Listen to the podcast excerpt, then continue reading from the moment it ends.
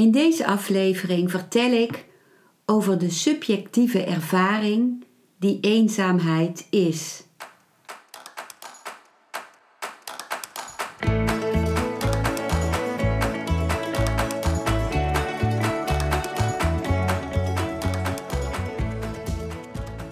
Welkom bij een nieuwe aflevering van Modita's podcast Van Pijn naar Zijn. De podcast waarin ik je meeneem voorbij de pijn in je leven naar wie je diep van binnen bent. Hoe kun je beter omgaan met je gevoelens? Hoe vind je rust in je hoofd? Wat zit er precies achter je pijn? En vooral, hoe kun je steeds meer jezelf zijn? Adem eens diep in en uit. Ik wens je veel luisterplezier.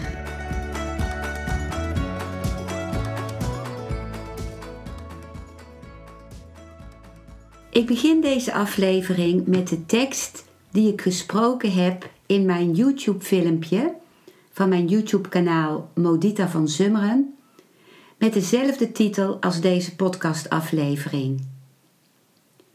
Dus hier komen de woorden van mijn filmpje. Eenzaamheid is een subjectieve ervaring. En daarover vertel ik in dit filmpje. En ik heb uh, daarin ook heel veel geleerd van Deb Dana. Uh, door het lezen van haar boek Polyvagal Exercises. Wij zijn op ons best als we in verbinding zijn met anderen, als, als we elkaar ook co-reguleren. Dus als we ook ehm, delen in elkaars emoties en de lading van de emoties bij elkaar omlaag brengen, zodat we veilig zijn, zodat we ons veilig voelen. En in die veiligheid en in die verbondenheid kunnen we creatief zijn, kunnen we uitwisselen, kunnen we nieuwe oplossingen bedenken. Dus we zijn op ons best als we als ons sociale zenuwstelsel, de ventrale tak van de nervus vagus, dus een tak van het onwillekeurige zenuwstelsel, actief is. En als we in verbinding kunnen zijn. En die veilige verbinding, dat vermogen om zo'n veilige verbinding aan te gaan, komt tot stand als je een co-regulerende ouder of opvoeder hebt. Die uh, in haar, zijn of haar lichaam voelt wat jij voelt. We hebben namelijk spiegelneuronen, uh, zenuwcellen in onze hersenen, die, die spiegelen wat de ander ons laat zien. En als zo'n ouder of opvoeder in verbinding is met zichzelf en dat kan waarnemen wat er in hem of haar gespiegeld wordt van het kind, dan kan zo'n ouder of een andere opvoeder, als je geen ouder, als je ouder bijvoorbeeld vroeg overleden is, die kan dan reageren op jou. Die kan jouw emoties voelen. Die kan waarnemen wat jij uit ook in jouw lichaamssensaties. Die kan zien en uh, voelen en ervaren in welke staat jouw onwillekeurige zenuwstelsel is. Ben je in een staat van verhoogde opwinding en wordt dat misschien te veel, te veel angst, te veel boosheid? Of ben je juist helemaal afgesloten van de schrik of van een shock? Of voel je je juist veilig? Het is belangrijk dat jouw ouder, jouw opvoeder, dat oppikt en jou helpt dat te reguleren. Die jou uitlegt, oh ja, dit komt hierdoor, kom maar bij mij. we kijken er samen naar. En uh, dit is boosheid, of dit is verdriet, of dit gaat weer over. En dan leert het kind dat een interactie met een ander veilig is, dat er begrip is, dat er uitwisseling mogelijk is, dat er een gevoelde en ervaren verbinding mogelijk is. En natuurlijk kan die verbinding er niet altijd zijn. Een ouder heeft ook zelf dingen te doen, los van het kind. En heeft ook tijd voor zichzelf nodig. Dus er is altijd ook in het contact een onderbroken, een onderbreking van de verbinding. Dat is niet erg als die onderbreking ook maar weer gerepareerd kan worden. Als de ouder terugkomt, dat hij zegt: Hier ben ik weer. Ik ben even weg geweest en misschien zie, ziet de ouder aan jou dat je dat moeilijk hebt gevonden en kan dat benoemen en kan zeggen: van ja, soms ben ik even weg, maar ik kom altijd weer terug. En dan ben ik er weer voor jou en dan kun je weer bij mij terecht. Dat is het repareren van de onderbreking. En dat is ook heel belangrijk in het opgroeien. Dat zorgt ervoor dat je uh, voelt dat als er een onderbreking is geweest, dat het weer gerepareerd kan worden. Dat maakt dat je ook een onderbreking van het contact kunt verdragen. Ook later als je volwassene bent, dat je niet uitfrikt als bijvoorbeeld je partner een dag iets anders gaat doen met een ander, of uh, ze alleen op vakantie gaat, of ook contact heeft met uh, andere mensen buiten jou. Dat geeft dan een gevoel van, oh, die ander komt weer terug. En um, een derde van de tijd in verbinding zijn voor een kind is voldoende om veiligheid te voelen. Als die verbinding er ook echt is niet alleen maar de aanwezigheid van de ouder in de ruimte, maar ook de wisselwerking, de interactie. Ik heb een filmpje gezien van dat een uh, moeder de opdracht kreeg voor een experiment, een psychologisch experiment, om haar kind, dat was een klein peutertje, om die als het kind uh, contact maakte met haar om een minuut lang niet te reageren. Dus met een heel neutraal gezicht te blijven kijken, zonder reactie. En je zag dat dat kindje probeerde contact te krijgen, dat, uh, dat hij de moeder uitnodigde om iets van hem te spiegelen. Maar de moeder bleef neutraal. En het kind werd heel boos. Het begon echt uh, te schreeuwen. Moeder reageerde niet. Toen begon het kind te huilen. Moeder reageerde niet. En toen sloot het kind zich af. Dan beschermt het zich tegen de pijn en geeft het de interactie op. En gelukkig duurde dit experiment niet langer dan een minuut. En ging de moeder het ook weer repareren van Um, dit was niet aardig van mij dat ik dit deed. Dit, uh, dit, dit klopt niet. Dit, dit gaat nooit meer gebeuren.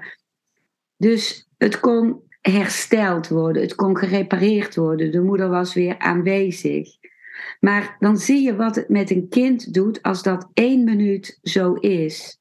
Dus wat als dat keer op keer gebeurt, dat een kind genegeerd wordt of dat de emoties en Ehm, en de, de, de staat waarin het kind is of het gedrag dat het vertoont niet gezien wordt, dan kan er geen uh, zenuwstelsel ontstaan wat de veilige tak, de, de, de, de sociale tak van het zenuwstelsel, de ventrale tak van de nervus vagus, online kan zetten dan moet het kind in een verdedigingsmodus blijven, of een vluchtmodus, of een afsluitmodus.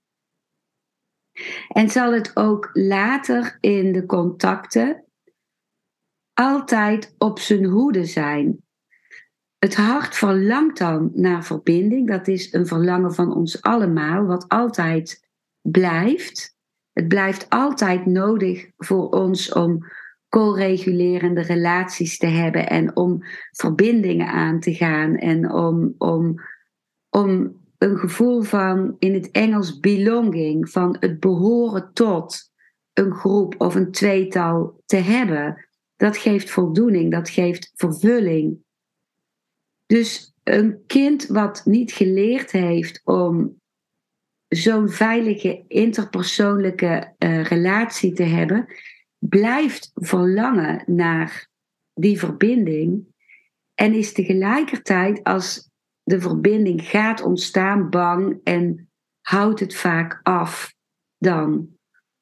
Of vindt toch een manier om ertussenuit te duiken. Dat is uit zelfbescherming. Tenzij je deze patronen gaat zien en uh, opnieuw in je leven van nu gaat kijken wat kan, wie kan co-regulerend voor jou zijn, welk contact, wat kan veilig voor jou voelen en hoe kan ik daar ervaringen mee opdoen. Het zenuwstelsel is flexibel en kan zich kan uh, hersteld worden. Het, het gezonde systeem kan hersteld worden, kan gereset worden of kan alsnog opgebouwd worden.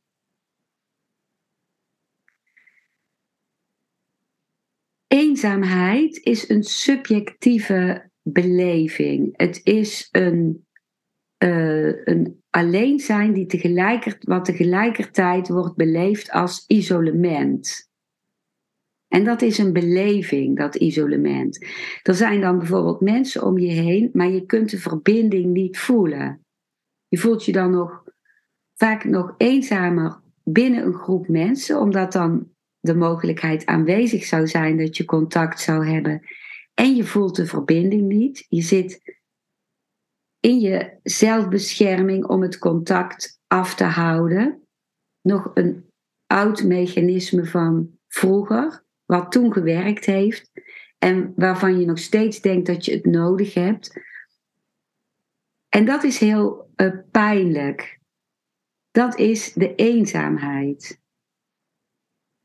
Terwijl alleen zijn, alleen kunnen zijn, een glorie kan zijn, een, een, een, een vervulling kan geven.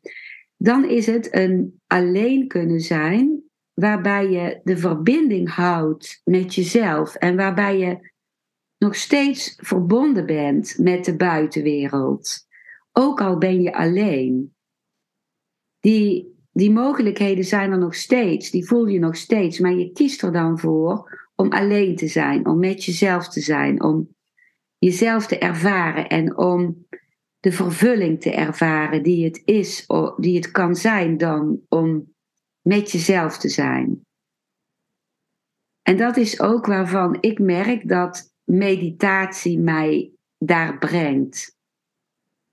Dat wil niet zeggen dat ik altijd in mijn meditatie die vervulling voel. Het kan ook zijn dat ik in contact kom in de meditatie met frustratie, met een gevoel van afgesloten zijn. Maar als ik daarbij blijf, juist het erbij blijven geeft de verbinding. Uh, geeft opnieuw de verbinding. Het erkennen van, oh, dit is er wat, wat er is bij mij. Dan ben ik weer bij mij.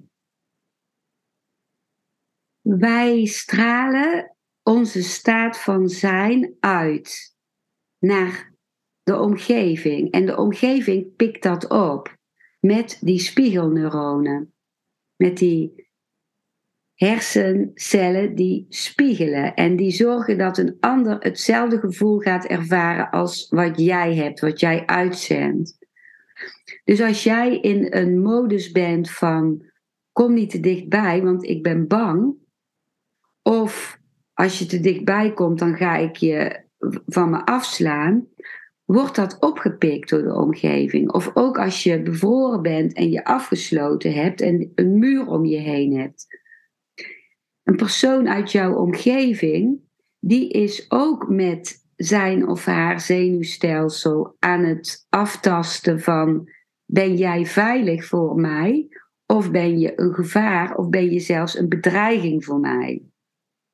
Dus ook die ander is zichzelf veilig aan het houden. Dus als jij in een verdedigingsmodus zit, zal een ander niet dichterbij komen. En dat versterkt dan nog je gevoel van isolement. Terwijl als je in zo'n situatie bent waarin je op een glorievolle manier met jezelf alleen kunt zijn, en een ander wil dan geen contact, dan kun je gewoon zien van, oh, dat, dat zit bij de ander. Dat heeft niks met mij te maken. En kun je die ander gewoon voorbij laten gaan, zonder dat het jou raakt. Alleen als je de ervaring hebt van het veilig kunnen zijn in een sociaal, sociale verbinding met een ander.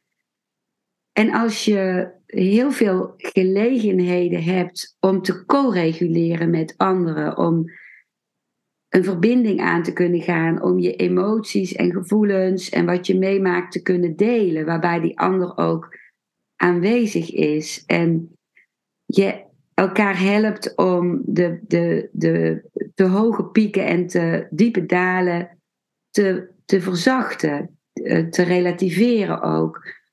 Alleen dan kun je ook op een veilige manier alleen zijn en voldoening vinden in het alleen zijn. Dan kun je ook vrede hebben in het gescheiden zijn van de ander. En uiteindelijk is de diepste verbinding met jezelf alleen mogelijk voor jouzelf. Dat is nooit mogelijk in het contact met een ander.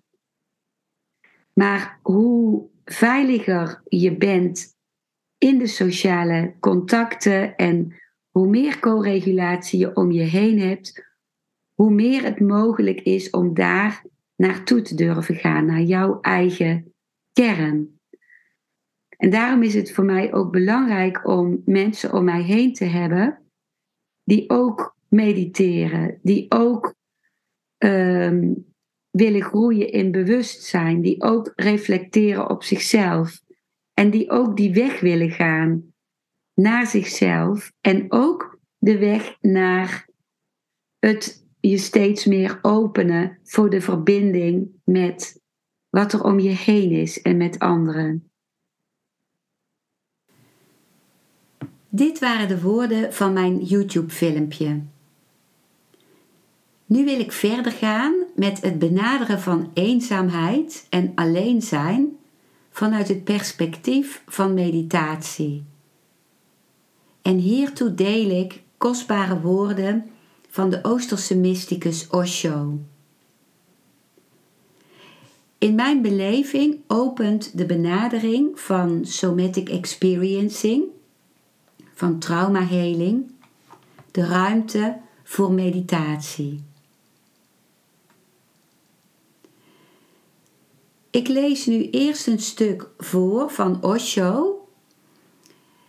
En die woorden kun je ook vinden in het boek Come Follow to You volume 4, hoofdstuk 6.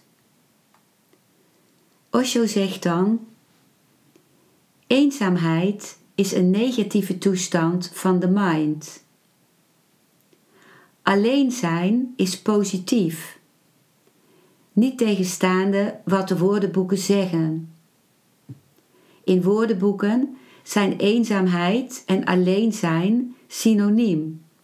Het zijn synoniemen. In het leven zijn ze dat niet.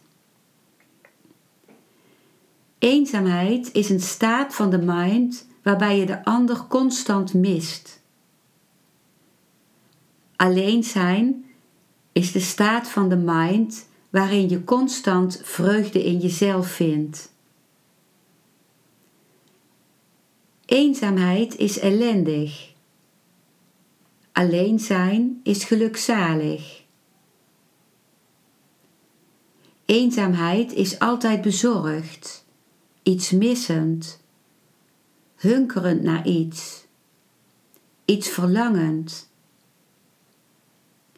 Alleen zijn is een diepe vervulling, niet naar buiten reikend, heel tevreden, blij, vierend. In eenzaamheid ben je uit je centrum. In alleen zijn ben je gecenterd en geworteld. Alleen zijn is prachtig. Het heeft een elegantie rondom zich heen, een gratie, een klimaat van grote tevredenheid. Eenzaamheid is bedelend. Overal rondom de eenzaamheid heen is een bedelen en niets anders. Het heeft geen gratie er rondomheen. In feite is het lelijk. Eenzaamheid is een afhankelijkheid. Alleen zijn is pure onafhankelijkheid. Je voelt je alsof je je eigen wereld bent, je hele bestaan.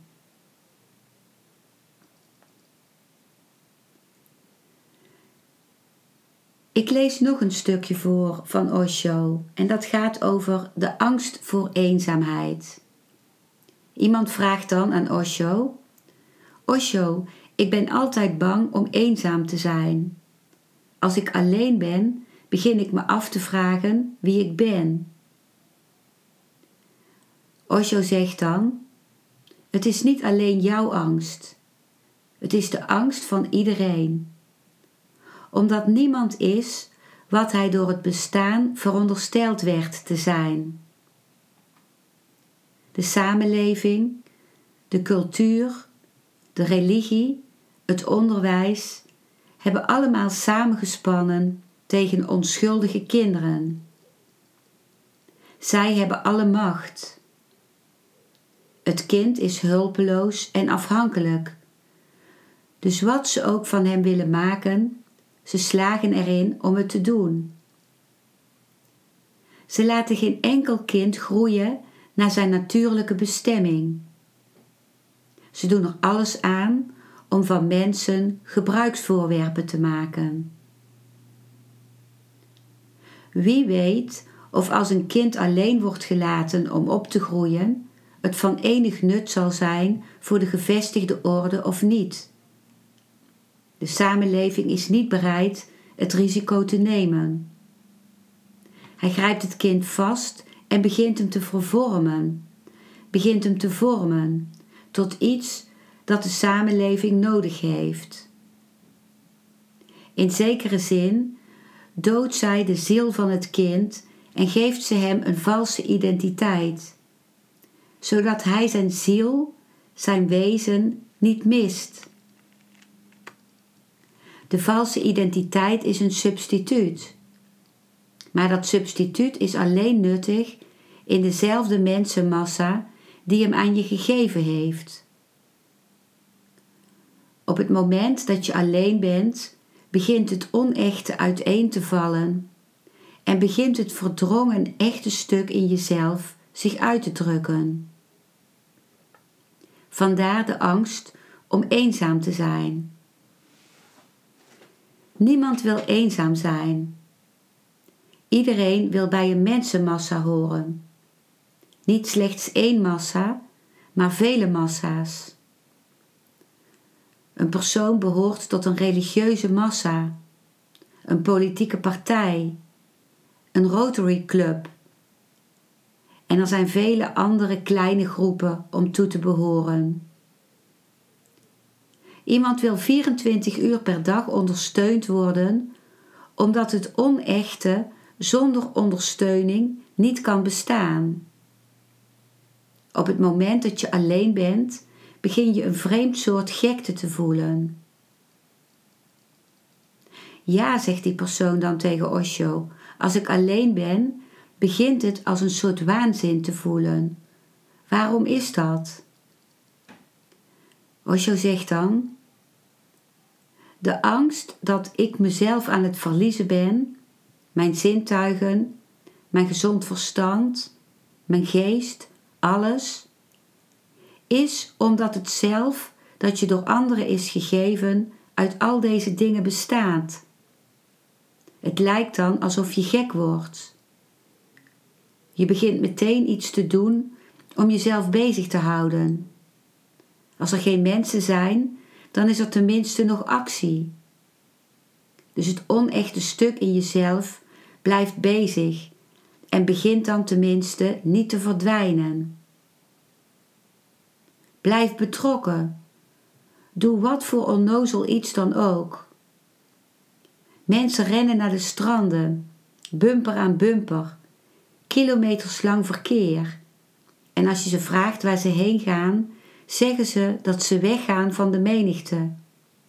En de hele menigte gaat met hen mee. Ze zijn op weg om een eenzame, stille plek te vinden. Allemaal. In feite zouden ze, als ze thuis waren gebleven, meer alleen en in stilte zijn geweest, omdat alle idioten op zoek zijn gegaan naar een plek om alleen te zijn. En ze haasten zich als een gek, want binnenkort zijn de twee dagen voorbij. Ze moeten en zullen het bereiken. Vraag je niet af waar. De persoon vraagt dan aan Osho: wat is eenzaamheid dan precies? Osho zegt dan: Eenzaamheid is een lelijk idee. Eenzaamheid is het idee dat ontstaat wanneer je aan jezelf probeert te ontsnappen en niet kunt ontsnappen. Dan verval je in eenzaamheid. Je mist de ander. Je ziet je eigen aanwezigheid niet. Je mist de aanwezigheid van de ander. Je hele focus is verkeerd. Je kijkt niet naar jezelf. Je kijkt naar buiten. Je zegt: Er moet hier een vriend zijn. Of moet ik naar het restaurant gaan? Of moet ik naar een club gaan? Of naar de bioscoop? Of tv kijken? Wat moet ik doen? Je kijkt niet naar binnen, je kijkt naar buiten. Je wacht op de ander. Je ogen zoeken de ander. En de ander is niet. Als de ander niet is, voel je je eenzaam. Als je bent, voel je je alleen. Alleen zijn is als een bloem. Ik weet dat je woordenboeken zullen zeggen dat eenzaamheid en alleen zijn synoniemen zijn. Dat zijn ze niet. Het zijn totaal verschillende fenomenen. Eenzaamheid is een wond en kan uitgroeien tot kanker. Veel meer mensen sterven aan eenzaamheid dan aan welke andere ziekte dan ook. De wereld is vol eenzame mensen. En vanwege hun eenzaamheid blijven ze allerlei domme dingen doen om die wond, dat hol zijn, die leegte, die negativiteit op de een of andere manier op te vullen. De eenzame persoon begint veel te veel te eten, alleen maar om zich vol te voelen. De eenzame persoon begint vet te verzamelen. De eenzame persoon begint alcohol of andere drugs te gebruiken, van soma tot LSD, omdat hij zichzelf wil vergeten. De eenzaamheid is zo lelijk, zo eng, zo doods, dat je eraan wil ontsnappen. De eenzame persoon zit vier, vijf, zelfs zes uur voor zijn tv vastgelijmd aan zijn stoel. De persoon vraagt dan aan Osho: Hoe zijn we in de eerste plaats in deze puinhoop beland? Osho zegt dan: De mens wordt geboren in een familie tussen mensen. Vanaf het allereerste moment is hij niet alleen. Daarom krijgt hij een bepaalde psychologie van het altijd bij mensen willen blijven. In eenzaamheid begint hij bang te worden. Krijgt hij onbekende angsten. Hij weet niet precies waar hij bang voor is. Maar als hij zich uit de menigte verwijdert, wordt er iets in hem ongemakkelijk. Als hij bij anderen is, voelt hij dat het gezellig is. Voelt hij zich op zijn gemak, comfortabel. Het is om deze reden dat hij nooit de schoonheid van alleen zijn leert kennen. De angst houdt hem tegen. Omdat hij in een groep is geboren, blijft hij onderdeel van een groep. En naarmate hij ouder wordt, begint hij nieuwe groepen te vormen. Nieuwe associaties, nieuwe vrienden. Nu al bevredigen de, bevredigen de bestaande groepen hem niet. De natie, de religie, de politieke partij. Hij richt zijn eigen nieuwe verenigingen op. Rotary Club, Lions Club. Maar al deze strategieën zijn bedoeld om één ding te vermijden: nooit alleen te zijn. De hele levenservaring is die van samen zijn met mensen. Eenzaamheid lijkt bijna een dood. In zekere zin is het een dood. Het is de dood van de persoonlijkheid die je in de menigte hebt gecreëerd. Dat is een geschenk van anderen aan jou. Op het moment dat je uit de massa stapt, stap je ook uit je persoonlijkheid. De persoon vraagt dan aan Osho: Dus als ik alleen ben, begin ik mijn besef van wie ik ben te verliezen? Osho zegt dan: In de massa weet je precies wie je bent. Je kent je naam. Je kent je diploma's. Je kent je beroep. Je weet alles wat nodig is voor je paspoort, je identiteitskaart. Maar op het moment dat je uit de menigte stapt, wat is dan je identiteit? Wie ben je? Plotseling word je ervan bewust dat je niet je naam bent. Je naam is aan jou gegeven. Jij bent niet jouw ras. Welke relatie heeft ras met jouw bewustzijn? Je hart is niet Hindoe of Mohammedaans.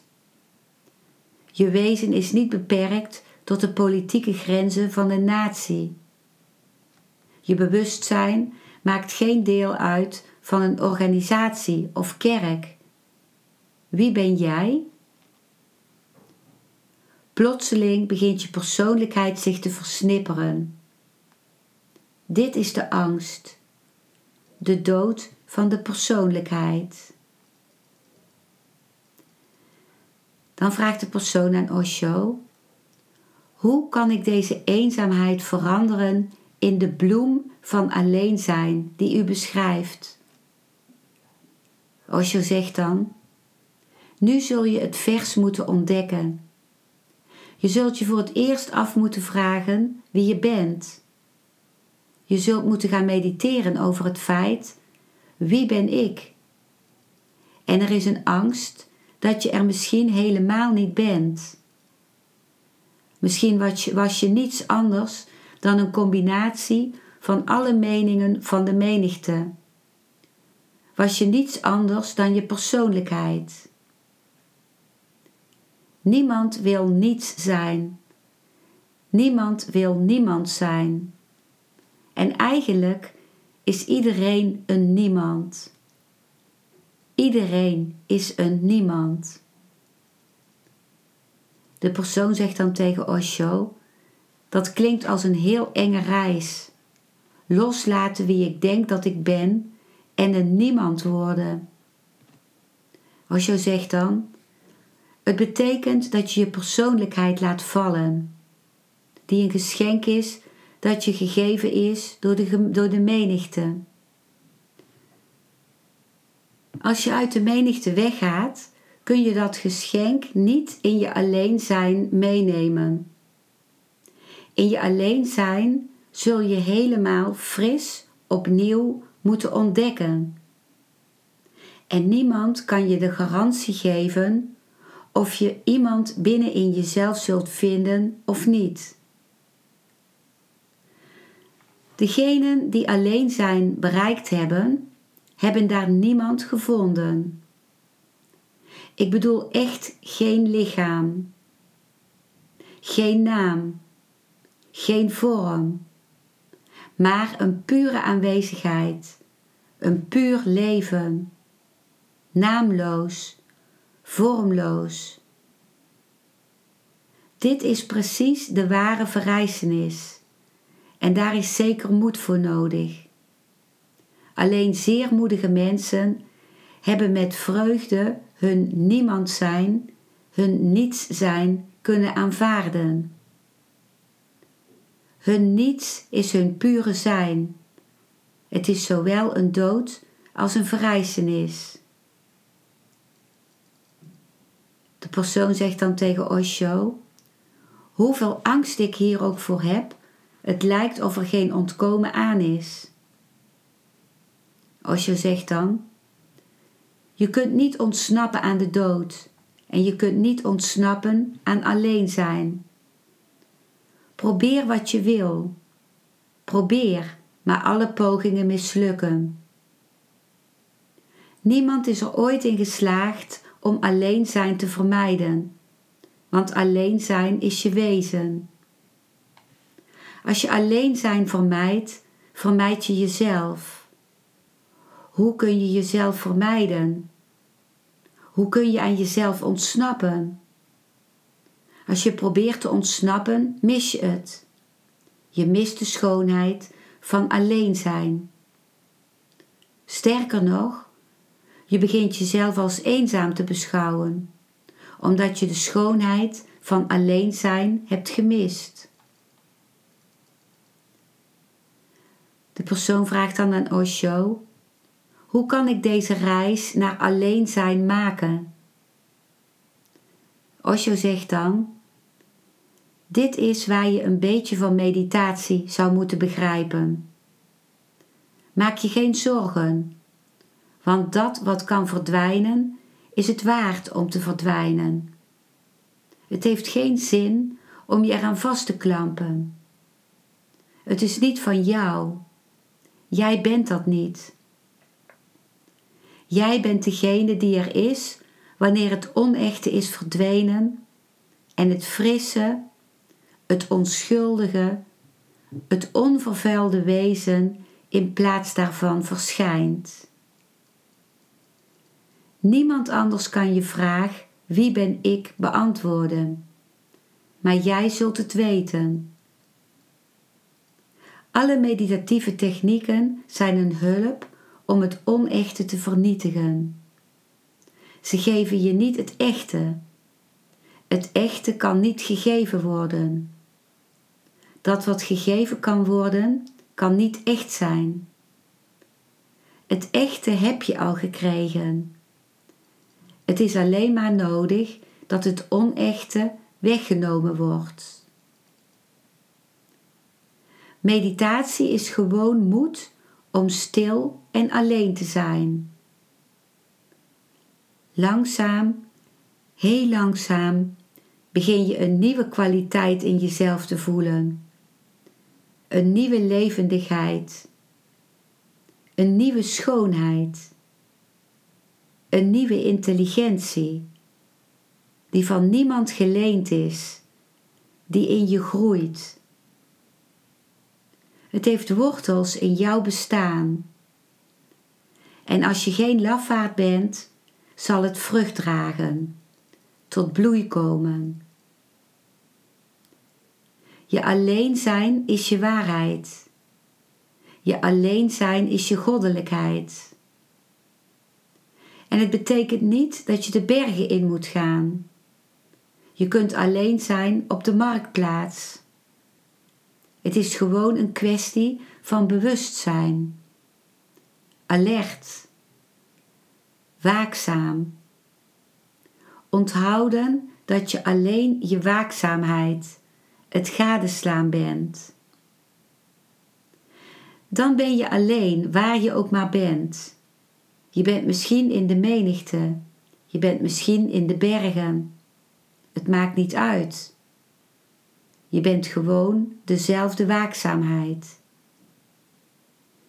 In de menigte kijk je naar de menigte. In de bergen kijk je naar de bergen.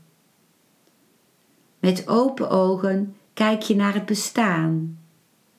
Met gesloten ogen kijk je naar jezelf. Je bent maar één ding, degene die gadeslaat. En het zijn van degene die gadeslaat is de grootste realisatie. Dit is je Boeddha-natuur. Dit is je natuur van verlichting, van je ontwaken. Met deze woorden van Osho beëindig ik deze podcastaflevering. Dankjewel voor het luisteren naar deze aflevering. Ik hoop dat hij je een nieuw inzicht of perspectief heeft gegeven. Ik hou van interactie, dus als je iets wilt delen, stuur me dan een mailtje op info@genietenvanmeditatie.nl. Ik geef je dan altijd antwoord. Ik wens jou dat je vreugde in het dagelijks leven zult ervaren en innerlijke rust. En dat je steeds meer je pijn zult kunnen omvormen in zijn. Je kunt de afleveringen van deze podcast volgen via Spotify, Google Podcast, Apple Podcast en Podbean door op de volg- of abonneerknop te klikken. Als je luistert via de Apple Podcast, dat kan alleen als je een iPhone hebt, heb je een extra voordeel. Omdat als je op de knop abonneren klikt, je steeds een berichtje op je mobiele telefoon ontvangt als er weer een volgende aflevering van mijn podcast verschijnt. Je bent van harte welkom bij die volgende aflevering.